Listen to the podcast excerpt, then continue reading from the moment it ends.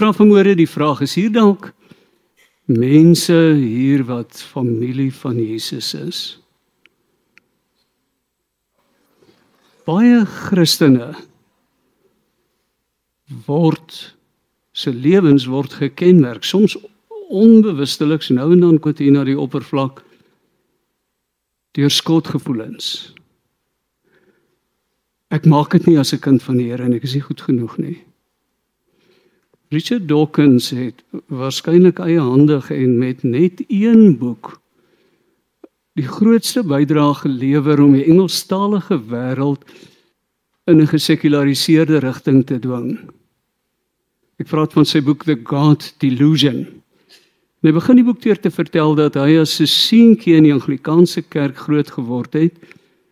En alhoewel sy pa en ma skaars in die kerk was, het hulle kinders verplig. Hulle moes Sondag by die sonnaarskool wees, hulle moet die diens bywoon. En nou vertel hy sonnaarskool. Sy belewenis van sonnaarskool was daar's ooms en tannies wat vir jou vertel van al die goed wat jy doen wat sondig is en wat veroorsaak dat jy skuldig voor Here is. En daar's baie min goed wat jy nie kan doen nie. En hy maak so 'n lysie en dan sê hy hierdie lysie het nou 'n bietjie aangepas van die goed wat sonde was toe ons klein was, is nou nie heeltemal meer sonde nie. Ons het dit nou al aanvaar. So nou 'n paar nuwe goed op die lysie. En hy sê as hy kerk toe gaan, dan onthou hy 'n priester wat vir jou vertel van watter marteling die hel gaan wees, hoe jy gaan brand, nooit klaar kry nie tot in ewigheid omdat jy al hierdie sondes gedoen het.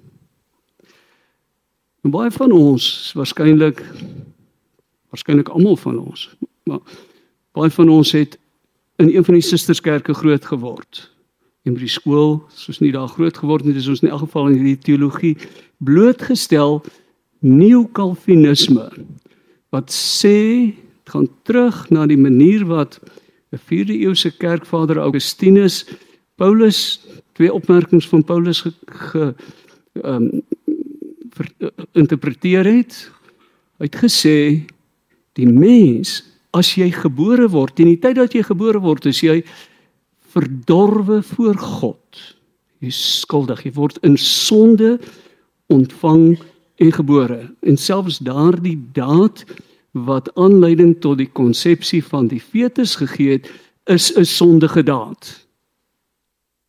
Ons het nou nog 'n klomp skuldgevoelens oor die feit dat ons seksuele wesens is waarmee ons dikwels ook saamloop as gevolg van wat ons geleer het. Dink jy sien die rigting waarheen ek op pad is? Onder boere mense het 'n mens vroeër en daar's nou 'n nuwe tendens waar mense dit nou weer begin doen. Het jy 'n familiebybel gekry? Wonder hoeveel onthou dit nog? Die groot Bybel, die eerste klompie bladsye was daar ruimte om 'n familieregister in te vul. En aan hierdie familieregister is daar nou 'n klomp stories gekoppel van voorouers wat eisters was en hulle vrouens wat wat 'n man op sy knieë geklap het en wat slim was en ryk was en vernuftig in besigheid was of wat geleerd was. En dan hier agterlangs was daar ook 'n paar stories, maar dis nou so 'n bietjie stadiger vertel van iemand se boetie wat in die tronk was en 'n ander man wat 'n ernstige buiteegtelike verhouding met 'n bottel brandewyn gehad het waarmee hy elke aand gaan slaap het. 'n Ouma grootjie wat bitter bitterlik kwaai was. Sy vir jou gekyk het, het jy sommer tot stilstand gekom.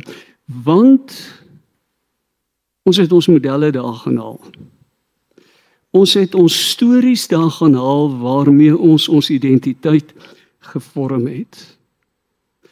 Geslagsregisters, ek nou nie vir u te sê as u al in die Bybel rondgeblaai het nie, speel 'n enorm belangrike rol in die Bybel vir Israeliete, later die Jode. Dis vandag nog so. Onder ortodokse Jode kan hulle hulle geslagte terugvat amper tot aan die kant Adam en onder die Arabiere dieselfde ding. Want 'n geslagsregister plaas jou teen 'n geskiedenis. Sê vir jou waar kom jy vandaan en gee vir jou 'n aanduiding van watter rigting jy moet gaan. Nou in die Nuwe Testament kry mense ook twee plekke geslagsregisters wat ook nie heeltemal ooreenstem nie. Matteus 1 begin die verhaal van Jesus met 'n geslagsregister. Lukas 2 plaas dit so bietjie later aan die begin van Lukas 3, die begin van Jesus se bediening. Matteus gaan terug tot by Abraham. Want hy skryf vir Jode.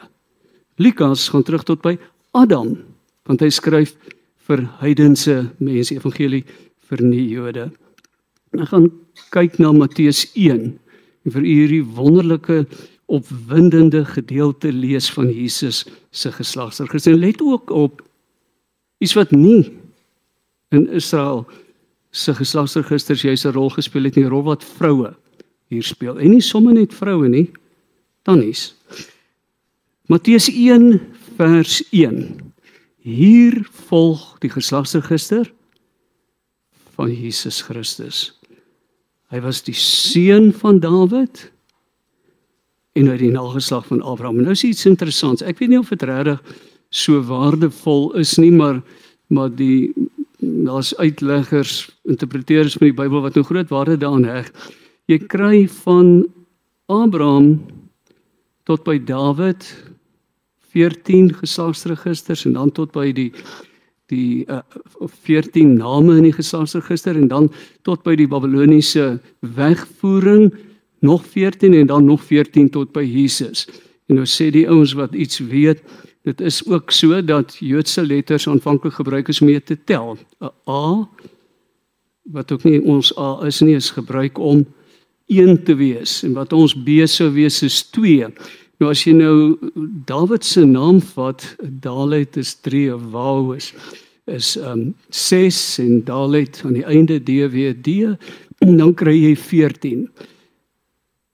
En dit beteken dalk dat Jesus, dis iets wat Matteus baie sterk beklemtoon, dat Jesus die afstammeling van Dawid was die verpersoonliking of dan die vervulling, die verwesenliking van wat oor Dawid gesê is, vind in Jesus plaas. Maar dit sommer nou net so terloops. Kom ons begin. Vers 2. Abraham was die pa van Isak. Isak pa van Jakob. Kleinseun bedrieër. Hy belieg sy pa en sy broer en sy skoonpa Hy probeer selfs 'n paar kansse met die Here waag en uiteindelik verander die Here sy naam na Israel, een wat met God baklei het. En hy het half tweede daarvan afgekom. Hy kon nie mooi loop na hy klaar met die Here baklei het nie. Jakob was die pa van Juda en sy broers. Juda was die pa van Peres en Serag by Tamar. Dis 'n skoondogter van hom wat twee van die broers probeer het en albei van hulle is dood en toe probeer sy maar haar skoonpa en hy toe 'n tweeling by haar. Ongehoord. Immoreel. Peres was die pa van Gesron, Gesron die pa van Ram. Ram die pa van Aminadab. Aminadab die pa van Nagson, Nagson die pa van Salmon. Salmon was die pa van Boas by Ragab. Onthou jy die verhaal van Ragab? Buiten dat sy vrou was, was sy 'n heiden. En bo-op het sy lewe as 'n prostituut gemaak. Deel van die geslagsregister wat uitkom by Dawid. Boas die pa van Obed by Rut. Nog 'n heidense vrou, 'n Moabitiese vrou. En die ouma van Dawid, nê. Nee, Obed die pa van Isaai, Isaai die pa van koning Dawid. Interessant dat dat Dawid uitgesonder word. Hy's die koning. Dawid was die pa van Salomo, Dawid hierdie groot held. Was die pa van Salomo by die vrou van Uria.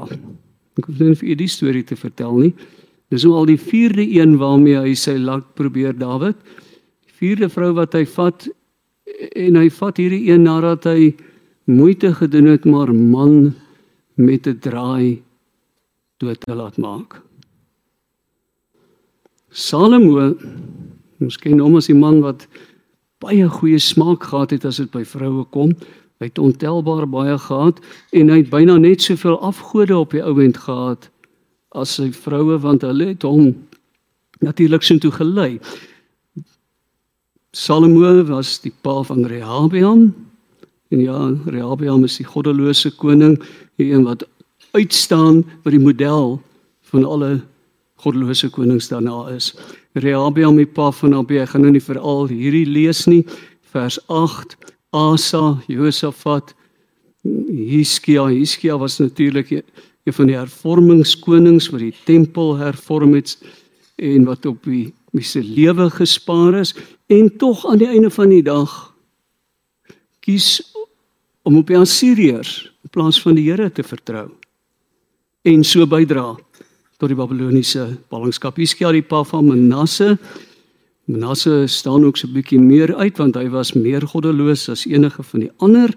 Hy was die pa van Amon, die pa van Josia, nog een van die hervormingskonings. Dit lyk asof die opsteller doelbewus die onderrok laat uithang.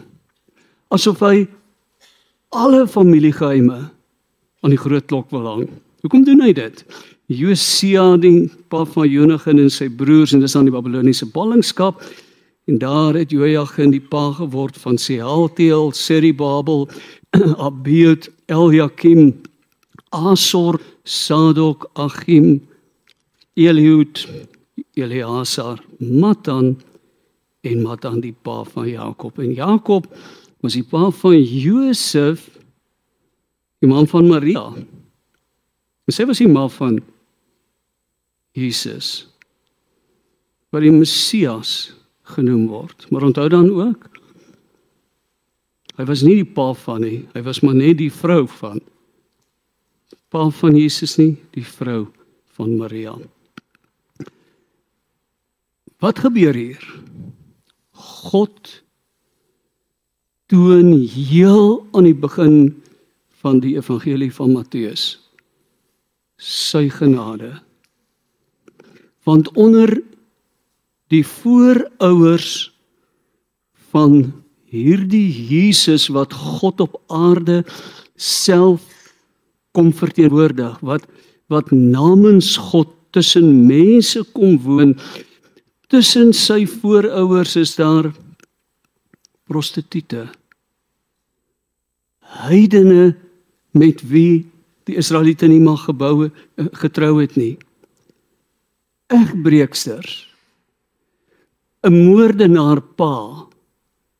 'n vrou wat haar skoonpa verlei en 'n string goddelose konings op die koop toe. Mense soos ons of kom ek sê dan nou maar soos ek want ek wil u nou nie ook impliseer nie mense soos ek was deel van die familie waaruit Jesus gebore is. Daar was nie eintlik veel ander om uit te kies nie, nê. Nee. Om gebore te word as mens, moes hy uit mens gebore word en om uit mense te kom was die waagstuk groot dat hulle ook maar net sondaars was. Maar ek vermoed hierdie verhaaltjie is hier vertel om te demonstreer ek en u kan deel van God se familie word. Selfs al is ons onvolmaak. Selfs al sukkel ons om ons humeur te behou. Ek het 'n wonderlike gawe gekry om ongeduldig te wees en ek gebruik dit baie produktief om die mense om my se lewe te vergal. Al is ons oneerlik of jaloers, slagoffer van frustrasies wat ons dalk sukkel om in te hou en op soms op ander mense uithaal of ander mense seermaak.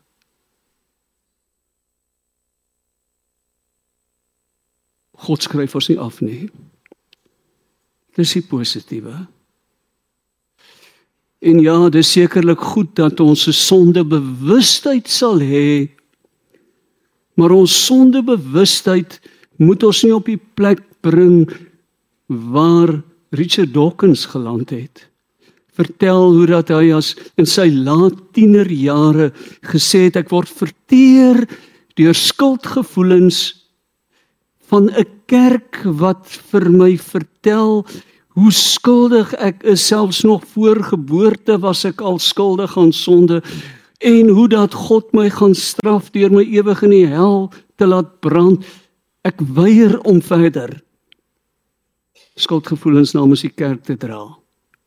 Ek sal moreel wees sonder die swaard van sonde skuld en 'n hel wat oor my hang en uit die kerk en die Bybel en God afgeskryf. Daar is 'n ander pad. Daar is 'n ander keuse as ateïsme. En dis om jou in die arms te werp van die Vader wat sy seun gebore laat word uit mense wat onvolmaak is en onvolmaak gebly en onvolmaak gesterf het. Want God droom groot van ons. Maar dit beteken nie dat die kere wat ons nie opleef aan daardie droom nie dat God ons soos 'n kwaai onderwyseres met 'n liniaal bykom en uiteindelik vir ons sê nee jou punte is te laag. Jy het dit nie gemaak nie. Jy het gedruip. Gaan oorkant toe gaan na die hel toe nie. Skuldgevoelens as dit ons laat voel ek is nooit genoeg nie. Bring ons op die regte plek en hier kom ek by die hart van die evangelie. Mense word genooi juis sulke mense, mense wat sê ek maak dit nie. Ek is nie goed genoeg nie. Juis ons word genooi om ons voete onder die tafel van Jesus te gaan instoot. Daarom as jy na Jesus gesoek het terwyl hy op aarde was, het hy tot frustrasie van die kerkleiers nie in hulle ore kom praat nie. Maar moes jy hom gaan kry by heidense vrou, 'n kananitiese vrou by mense wat deur die samelewing uitgestoot en verwerp is. Die malaatses het hulle om tussen die sondaars gaan kry. En vissers van daai tyd was sekerlik nie moreel die mees voorbeeldige mense op aarde nie, maar hy het tussen hulle gegaan en hy het uit hulle geleedere vir hom 'n 12 manskap gekies het. Jy kry hom by die tollenaars, die sondaars, die uitvaagsels, die gemarginaliseerdes, die uitgestotenes, die randfigure. Hoekom? Hoekom? Want kerkmense het dit gemaak. Maar sonder mense besef hoe nodig hulle God het. Gelukkig is die armes van gees aan hulle behoort die koninkryk van God. Die 83 vertaling het dit baie mooi vertaal. Gelukkig is mense wat weet hoe afhanklik hulle van God is. Want die Here regeer. Hy kan in hulle lewe regeer. Hulle is nie te goed om afhanklik en dis die woordjie waarby ek wil uitkom om afhanklik van God te leef nie. Die hart van die evangelie om te sê Here, ek het nog nooit gekon nie. Ek kan nog steeds nie. Ek sal ook in die toekoms nie kan nie. Dis net aan U wat ek kan vashou. Ek wil so 'n randopmerking maak ek wou dit eintlik vroeër gedoen het oor hierdie leer van erfsonde wat ons aan Augustinus te danke het wat op 'n sekere manier Paulus gelees het en wat Calvin nagevolg het en wat veroorsaak dat ons met ons skuldgevoelens soms stoei. Daar's ander maniere om Paulus te lees. En ek dink dat as jou filosofiese veronderstellings bietjie anders as Augustinus is, gaan jy sukkel om 'n leer van erfsonde in die Bybel terug te kry. En ek dink dalk ek praat nou dwaallering, maar ek gaan nie daaroor preek nie. So dis net terloops jy kan gesels met my as jy ontevrede is daaroor. Daarom as Maria, sy ma, en sy boeties op 'n dag opdaag en Jesus is besig om kerk te hou vir die sondaars nie in Jerusalem vir die heiliges nie, dan sê hulle ons wil Jesus graag sien en as Jesus die boodskap kry dan vra hy Waar's my ma en my boeties? Wie's my ma en my boeties? Die mense wat hier sit en wat my wil wil uitvoer. Dis my familie. Mense wat weet hoe nodig hulle my het. Ek sluit vanmôre af want daar's lekker koffie en jy moet vir die eerste keer dit onder die nuwe tent gaan drink. Is jy dalk is ek en u dalk familie van Jesus? U kind wat waarskynlik nie op Kersdag nie in die middel van die winter in 'n krib gebore is, maar dit maak ook nie saak watter dag dit was nie. In Bethlehem dalk is hy ook nie daar gebore nie. Wat maak dit saak? God wat mens tussen ons geword het, is die familie van hom. Die uitnodiging is Jy kan vandag uit die kerk uitstap en sê ek is. En ek is sy familie. Nie oor iets wat ek reg gekry het of oor iets wat ek gaan reg kry nie. Dan sien hierdie klomp enorme druk op my. Nou is jy kind van God en nou moet jy Ekskuus vir die Engelse woord perform. Nee, nee. Jy mag ontspan in die wete sy genade is vir my genoeg. Ek kan my voete onder sy tafel gaan instoot. Ek kan op Kersdag sy gas wees. Martin Luther het gesê al is Christus 1000 maal in Bethlehem gebore maar nog nie in jou hart nie is Kersfees 'n nuttelose gebeurtenis in jou lewe. Kom ons antwoord op die stem van die Here. Hemelse Vader, dat die Skepper God wat ons met die hand gemaak het, enigsins dit gedoen het alse reeds 'n wonderwerk want dit nie mense, dit niks of niemand nodig nie, jouself genoegsaam. Maar u kies, u kies om mense te maak en dit na u beeld, want u wil u kies om in 'n verhouding met ons te kom staan. En as ons dan daardie geleentheid kry om dit te doen, dan volg ons so dikwels en in meeste gevalle mense volg hulle eie kop. Loop hulle eie pad weg van u. En net om te vind u wag daarvoor vir ons. U nooi ons weer en weer en weer. En Here as die kerk ons partykeer laat skuldig voel het oor ons nie goed genoeg is nie, dan klink u roepstem selfs nog dringerder kom na my toe. Almal wat vermoeid en belas is. Ek wil julle rus gee. Ek wil julle rustig maak in die wete. Julle hoef nie teen 160 km/h voort te jaag om vir my aanvaarbaar te wees nie. Ek aanvaar jou nes jy is. Ek aanvaar jou swakhede en tekortkominge Nisius kom leef in afhanklikheid van my en sien hoe in afhanklikheid van my ek jou sterk maak en laat regop staan. Dankie Here. Hierdie uitnodiging rondom Kersfees wat wat sê kom word familie van Jesus. Die familie van mense wat agter hom aanloop. Wat hom volg. Baie dankie. Ons het die voorreg om Kerstyd u gaste te wees. Ons voet onder u tafel in te stoot.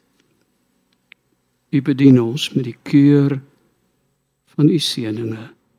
Ons dankie daarvoor. Amen.